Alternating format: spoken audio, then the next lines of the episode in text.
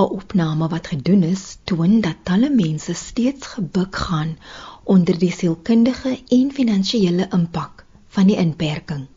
So hulle ons nou omtrent so ongeveer met 450 000 mense gesels en 'n groot porsie van daai mense is nou gedurende die tydperk van inperking gewees.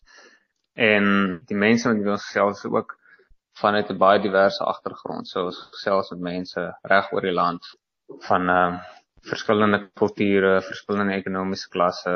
Ek is Olivia Sambo en jy luister na Rand en Sent, RSG 100 tot 104 FM.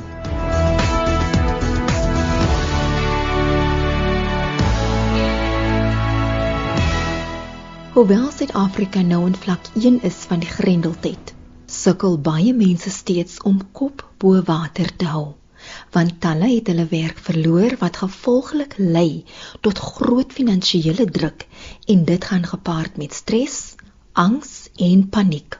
Dr Franco van Wyk, sagteware ontwikkelaar by Comperishow, sê hulle het navorsing gedoen om uit te vind hoe mense sielkundig deur die inperking geraak is. Weens die tegnologie wat hulle gebruik het, kon meer mense bereik word. So wat ons gebruik is ons chatbot tegnologie wat ons bou hier by Comparison. En ons maak dan kontak met mense deur middel van Facebook advertensies. So sê byvoorbeeld neem hierdie vraelys in Facebook Messenger en dan as hulle op die die advertensie klik, dan gaan hulle dan direk in 'n gesprek in Facebook Messenger in. En dis dan nou waar die gesprek begin. So dis baie anders as die tradisionele vraelyste wat jy wat dit net vrae en antwoorde is, vrae en antwoorde ons probeer om daai menslike aspek in te bring. So ons toon meer gevoel. Mens moet nie stigmatiseer nie, jy moet die mense ondersteun. So ons probeer regtig daai gevoel deurbring aan ons vraelyste om dan, jy weet, so eerlik as moontlike antwoorde te kry by die deelnemers wat natuurlik help vir ons navorsing kwaliteit. 'n Sekere aantal Suid-Afrikaners het tydens die streng landwyse grendeltyd vreeslik gesukkel met hulle geestesgesondheid in ons besigheid self ook ons het twee afdelings. Die een is slegs die chatbot afdeling en 'n ander afdeling is waar ons 'n uh, 'n belsentrum het waar dan ook met die mense gesels. Ons het nou al so oor 'n jaar of oor die laaste 2 jaar gesien dat mense baie meer gewillig is om persoonlike inligting te deel wanneer jy nie soseer persoonlik met 'n ander mens gesels nie, maar liewer met die chatbot tegnologie. In hierdie vraelys het ons het ons vir mense gevra wat is die grootste bekommernis tot dusver tydens hierdie inperking tydperk en 'n uh, volle 20% van hulle soos 1 of 5 mense het gesê hulle geestelike welstand is hulle grootste uitdaging op die oomblik. Dit is baie interessant om om daardie statistiek te sien dan uit hierdie vraelyste uit. 20% van mense wat sê geestelike welstand is is hulle heel grootste uitdaging. En natuurlik gaan dit gepaard met finansiële druk en ander inperkings wat ons ervaar. Deelnemers het verskillende tipes geestestoestande aangedui waaronder hulle gebuk gaan. 'n groot meerderheid omtrent 80% plus het gesê dis depressie en angs. So depressie natuurlik dit is 'n groot probleem veral met sosiale media en ander nuusbronne wat baie fokus op die negatiewe deel daarvan. Ehm um, en dan angs, ek dink angs sluit ook bietjie daarbey aan. Met angs ontstaan gewoonlik uit 'n onsekerheid van jou omstandigheid. Jy is onseker of jy of jy nog werk gaan hê of jy is onseker oor oor jou gesondheid of oor jou geliefdes se gesondheid. So daai twee was sonder twyfel die die twee grootste wat die mense oor gekla het of wat hulle gesê het hulle sukkel die meeste mee. En dan isolasie is natuurlik die derde groot faktor in hierdie vergelyking. En dit is natuurlik gekoppel aan die inperkingstydperk. Mense het wel verskillende maniere gevind om met die stres en depressie van die inperking te leef. Jy moet kontak hou met vriende en familie waar moontlik moet jy aanhou oefen of dalk in die natuur kom. En dan weet mens moet ook jou blootstelling bietjie minimaliseer aan aan negatiewe nuusbronne of negatiewe bronne van sosiale media, fopnuus. Weet ons is is deesdae baie groot faktor in hierdie vergelyking en dan soos ek vroeër genoem het mens moenie stigmatiseer aan mense wat dit wel het nie. Jy weet hulle kort ondersteuning in daardie tydperk. Die oorheersende bekommernis van Suid-Afrikaners tydens inperking was hulle finansiële welstand. Een van ons vrae was gewees wat is die grootste bron van kommer tydens hierdie tydperk? 53% van die deelnemers het gesê finansiële ehm um, stres is die heel grootste. Wat ek dink bietjie meer kommerwekkend was was die feit dat 41% van die mense met wie ons gepraat het, het gesê dat ten minste een van hulle geliefdes hulle werk verloor het in hierdie tydperk. Dis baie kommerwekkend en dan baie mense dink ons gaan nie weer terugkeer na na die normaal wat ons geken het voor um, hierdie COVID situasie nie. En dan ook in ons navorsing het het uitgekom dat 26% van die mense dink ons gaan nooit weer terugkeer na daardie normale situasie toe nie. So dis 'n bietjie meer aan die negatiewe kant. Baie mense is egter positief soos ons deur hierdie proses gaan, weet, soos inperking vlakke verlig word. Het ons gesien hier na die einde vlak 2 en vlak 1 het tot soveel as 67% van die mense gesê hulle voel al hoe meer positief as ons verder in hierdie proses is en natuurlik nader aan die einde kom. Die span wat die inligting versamel en verwerk het, was soms diep geraak deur die storie wat die syfers vertel het. Ek voel soms asof ons net die syfers deurgee, maar maar nee, dit raak ons regtig om te sien hoe hoe mense swaar kry soos ek weet baie van ons ons administrasie dames hulle gaan baie keer een vir een deur hierdie gesprekke wat die chatbot nou het met die mense en dan dan stuur hulle gewoonlik voorbeelde aan as nou regtig ware boodskap sien wat wat hulle baie hartseer maak of soms maak maak boodskappe hulle baie bly. Maar dan onthou mens net weer jy praat met mense hier aan die ander kant van die gesprek. So dit is glad nie lekker om om te sien wat se impak dit het op die oomblik nie, maar soos ek gesê het, mense voel bietjie meer positief en hopelik kan ons sterker uitkom aan die ander kant. Alhoewel dit 'n tydjie mag neem, ons ons hoop vir die beste. Dit was dokter Franco van Wyk van Comparison in Kaapstad wat met my gesels het oor die navorsing wat hulle gedoen het om uit te vind wat die sielkundige uitwerking van die inperking op Suid-Afrikaners was. Jy luister na Rand en Sent, RSG 100 tot 104 FM Skakel gerus in op die DSTV kanaal 813. Luister ook aanlyn by www.rsg.co.za waar jy ook die program kan aflaai deur die potgooi skakel te volg. Stuur 'n WhatsApp teks of stemboodskap na 076 536 6961 of stuur 'n e-pos na randencent.rsg@gmail.com. Professor Jonathan Jansen van die Universiteit van Stellenbosch glo dat tegnologie meer in die toekoms aangewend gaan word om die gaping in onderwys te oorbrug en dit meer toeganklik vir alle studente te maak. Maar 'n totale nuwe benadering is daarvoor nodig. Maar wat ek hoop sal gebeur is dat daar reeds mense is in die departement, in die regeringslei wat sit en sê kom ons beplan hierdie toekoms anders. Jy weet, daar sal weer volgens hierdie die wetenskaplikes, die, die mense wat werk met virusse en bakterieë en dis meer. Hulle sê vir ons, kyk, hierdie tipe lockdown sal weer gebeur. Selfs hierdie koronavirus lyk my gaan met ons wees in een of ander vorm vir 'n lang tyd. So mense sê nou vir jou learn to live with the virus, eh, wat dit ook al beteken. Dit beteken ons moet nou begin dink oor hoe ons vir hierdie realiteit voorberei. En een van die dinge wat kollegas van my sê is kom ons werk met skole die regering en maak seker dat om elke skool jy eintlik 'n data free zone het wat ek al die die tegniese taal. En dat jy seker maak dat die onderwysers in in die kinders in daai skool onmiddellik online kan beweeg en dan hoef jy gesukkel te word om jou akademiese werk te doen. Tweedens, ons moet nou maar vergeet van handboeke. Ons sal geleidelik moet oorbeweeg van handboeke na dinge soos iPads en so en so voort. Nou ja, daar's groot probleme hiermee. Veral as jy die goed stoor op 'n skoolterrein want dit word gesteel en so aan. Maar miskien kan ek dit huis te neem.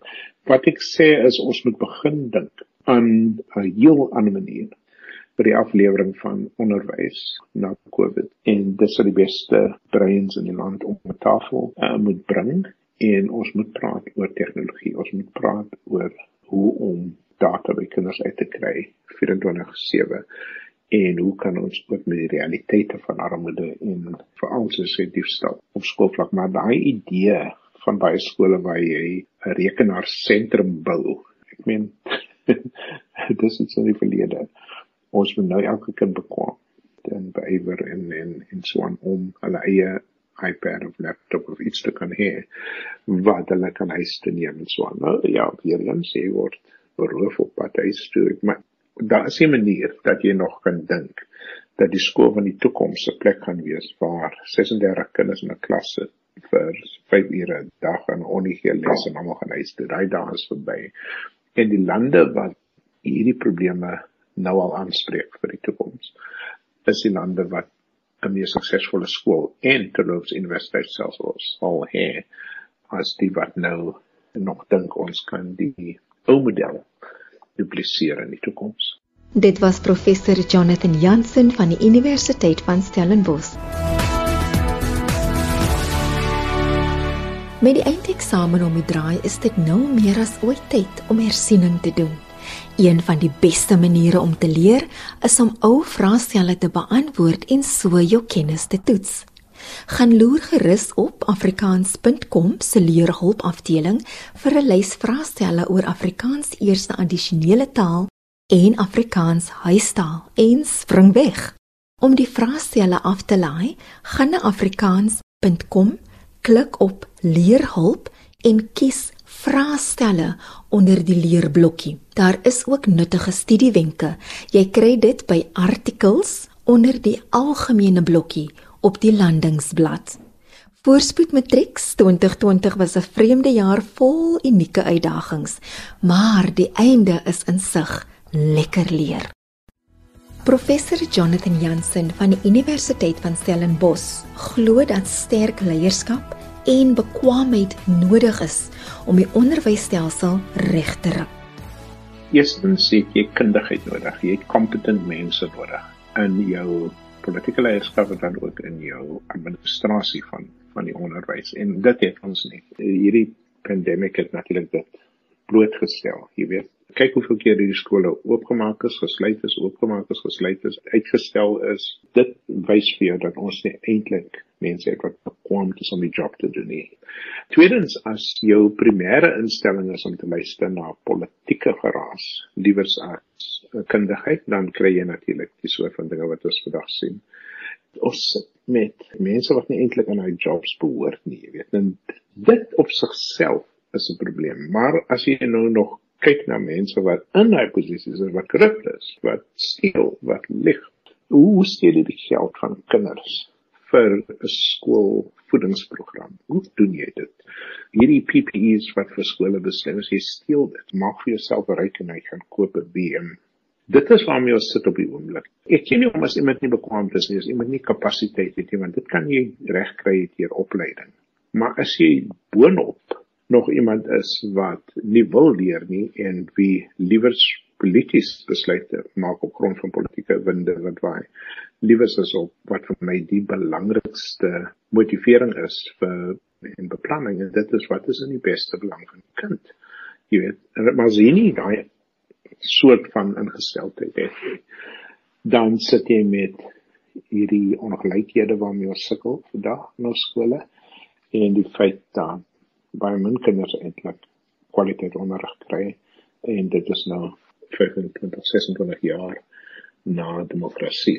Die COVID-19 krisis is ook nou die ideale tyd om gesprekke omtrent 'n nuwe benadering met ouers, leierskap en onderwysers te hê sodat almal betrokke kan wees by die ontwikkeling van die kind en ouers moet ook meer deel van die besluitnemingsproses gemaak word almal besef nou dat die hele wêreld nou op sy kop staan en op sy kop gedraai was deur hierdie pandemie en dat ons nou met anders begin dink en ek dink dit is baie belangrik vir regering, plaaslike regering, skoolleiers en so aan om ouers in te bring. My droom is eintlik dat elke skoolleierskap sy ouers sal inbring veral nadat ons nou net met hierdie onmiddellike krisis afgehandel het en hulle sê man kom ons praat oor die toekoms. Kom ons praat oor julle rol. Julle het nou 'n baie meer belangrike rol as in die ou model in terme van die ondersteuning van leer by die huis byvoorbeeld. En kom ons praat saam. Kom ons praat saam in die privaat skoolsektor byvoorbeeld.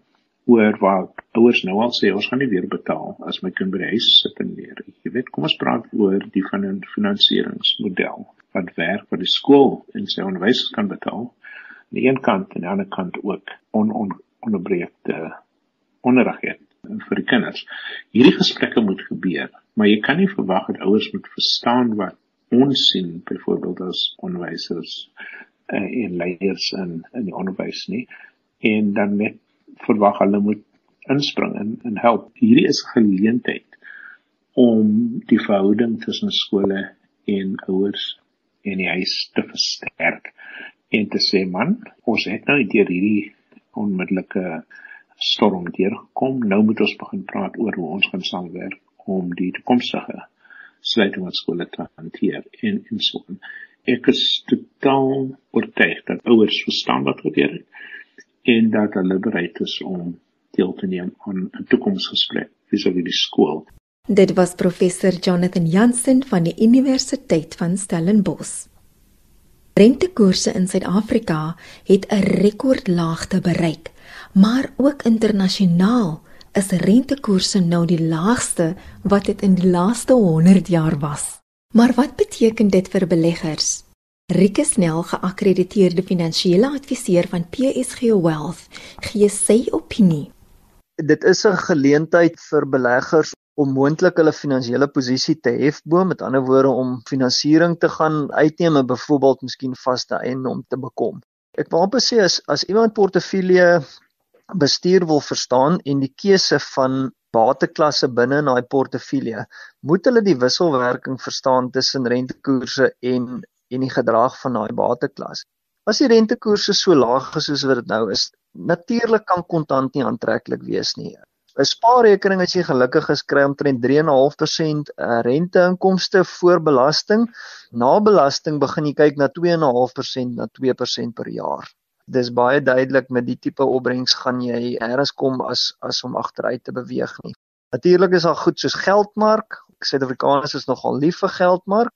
Weereens, as jy daai ding gaan uitwerk na belasting teen 'n 30 en selfs 45% belastingkoers, begin jy kyk na 3 en 2.5% opbrengste. So weereens kontant kan nie gesien word as 'n beleggingsvoertuig nie of bateklas nie. Dit is 'n parkeerfasiliteit Dis iets wat jy rekeninge mee betaal en waarmee jy vaste verpligtinge van binne kom ons sê 'n jaar of 2. As jy weet jy het 'n belastingverpligting of jy het 'n leningsverpligting of wat ook al die geval mag wees wat jy moet moet delg binne 'n jaar of 2, natuurlik kan jy nie met dit mark toe gaan nie, dit moet in kontant bly. Ek wou amper sê ek kan genoteer uh effekte daarbey insluit. Ons het uh, nie lank gelede nie uit uitsonderlike goeie opbrengs gekry uit uit effekte uit. Die rentekoerse is jaar tot op datum 2.7 amper 3% af. En na jou belastings begin jy al kyk na uh, 5.5 na 5% opbrengs oor 'n jaar. Hoe langer daai effekte se durasie, natuurlik hoe beter is die opbrengs, maar hoe meer is die onsekerheid in terme van waar gaan rentekoerse heen en natuurlik die terugbetaling van jou kapitaal. Beleggers moet ook onthou dat die lae rentekoerse nie die normale vlak weerspieël nie. Soos wat rentekoerse styg, moet jou kontantvloei jou in staat stel om darm jou betalings uh by te hou want jou renteinkomste gaan nie teen dieselfde tempo noodwendig toeneem as wat uh, rentekoerse kan begin styg nie. Die laaste ding rondom rentekoerse, as my rentekoste op my begroting daal as gevolg van die rentekoers wat daal, dan beteken dit ek het meer geld aan die einde van die maand oor. So as rentekoerse laag is, is jou maatskappywinste tipies uh, hoër en natuurlik is my aandelepryse ho hoër.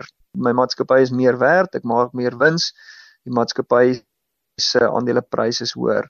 So selfs op hierdie rekordlaagte rentekoersvlakke moet mense aanneem Eerstens is nie 'n normale vlak nie, maar tweedens dat maatskappywinste eintlik op rekordhoogtepunte behoort te wees as gevolg van daai rentekoste wat geminimaliseer is. So dit is hoe ek uh, wil graag net hê kliënte moet die verwantskap tussen rentekoerse en uh, bateklasse uh, verstaan. Daar's natuurlik ook 'n verwantskap tussen rentekoerse en goud omdat goud met vaste renteinstrumente soos kontant en soos effekte kompeteer. As rentekoerse laag is, dan is die geleentheidskoste om goud te hou wat geen inkomste verdien nie natuurlik ook laag en aantreklik.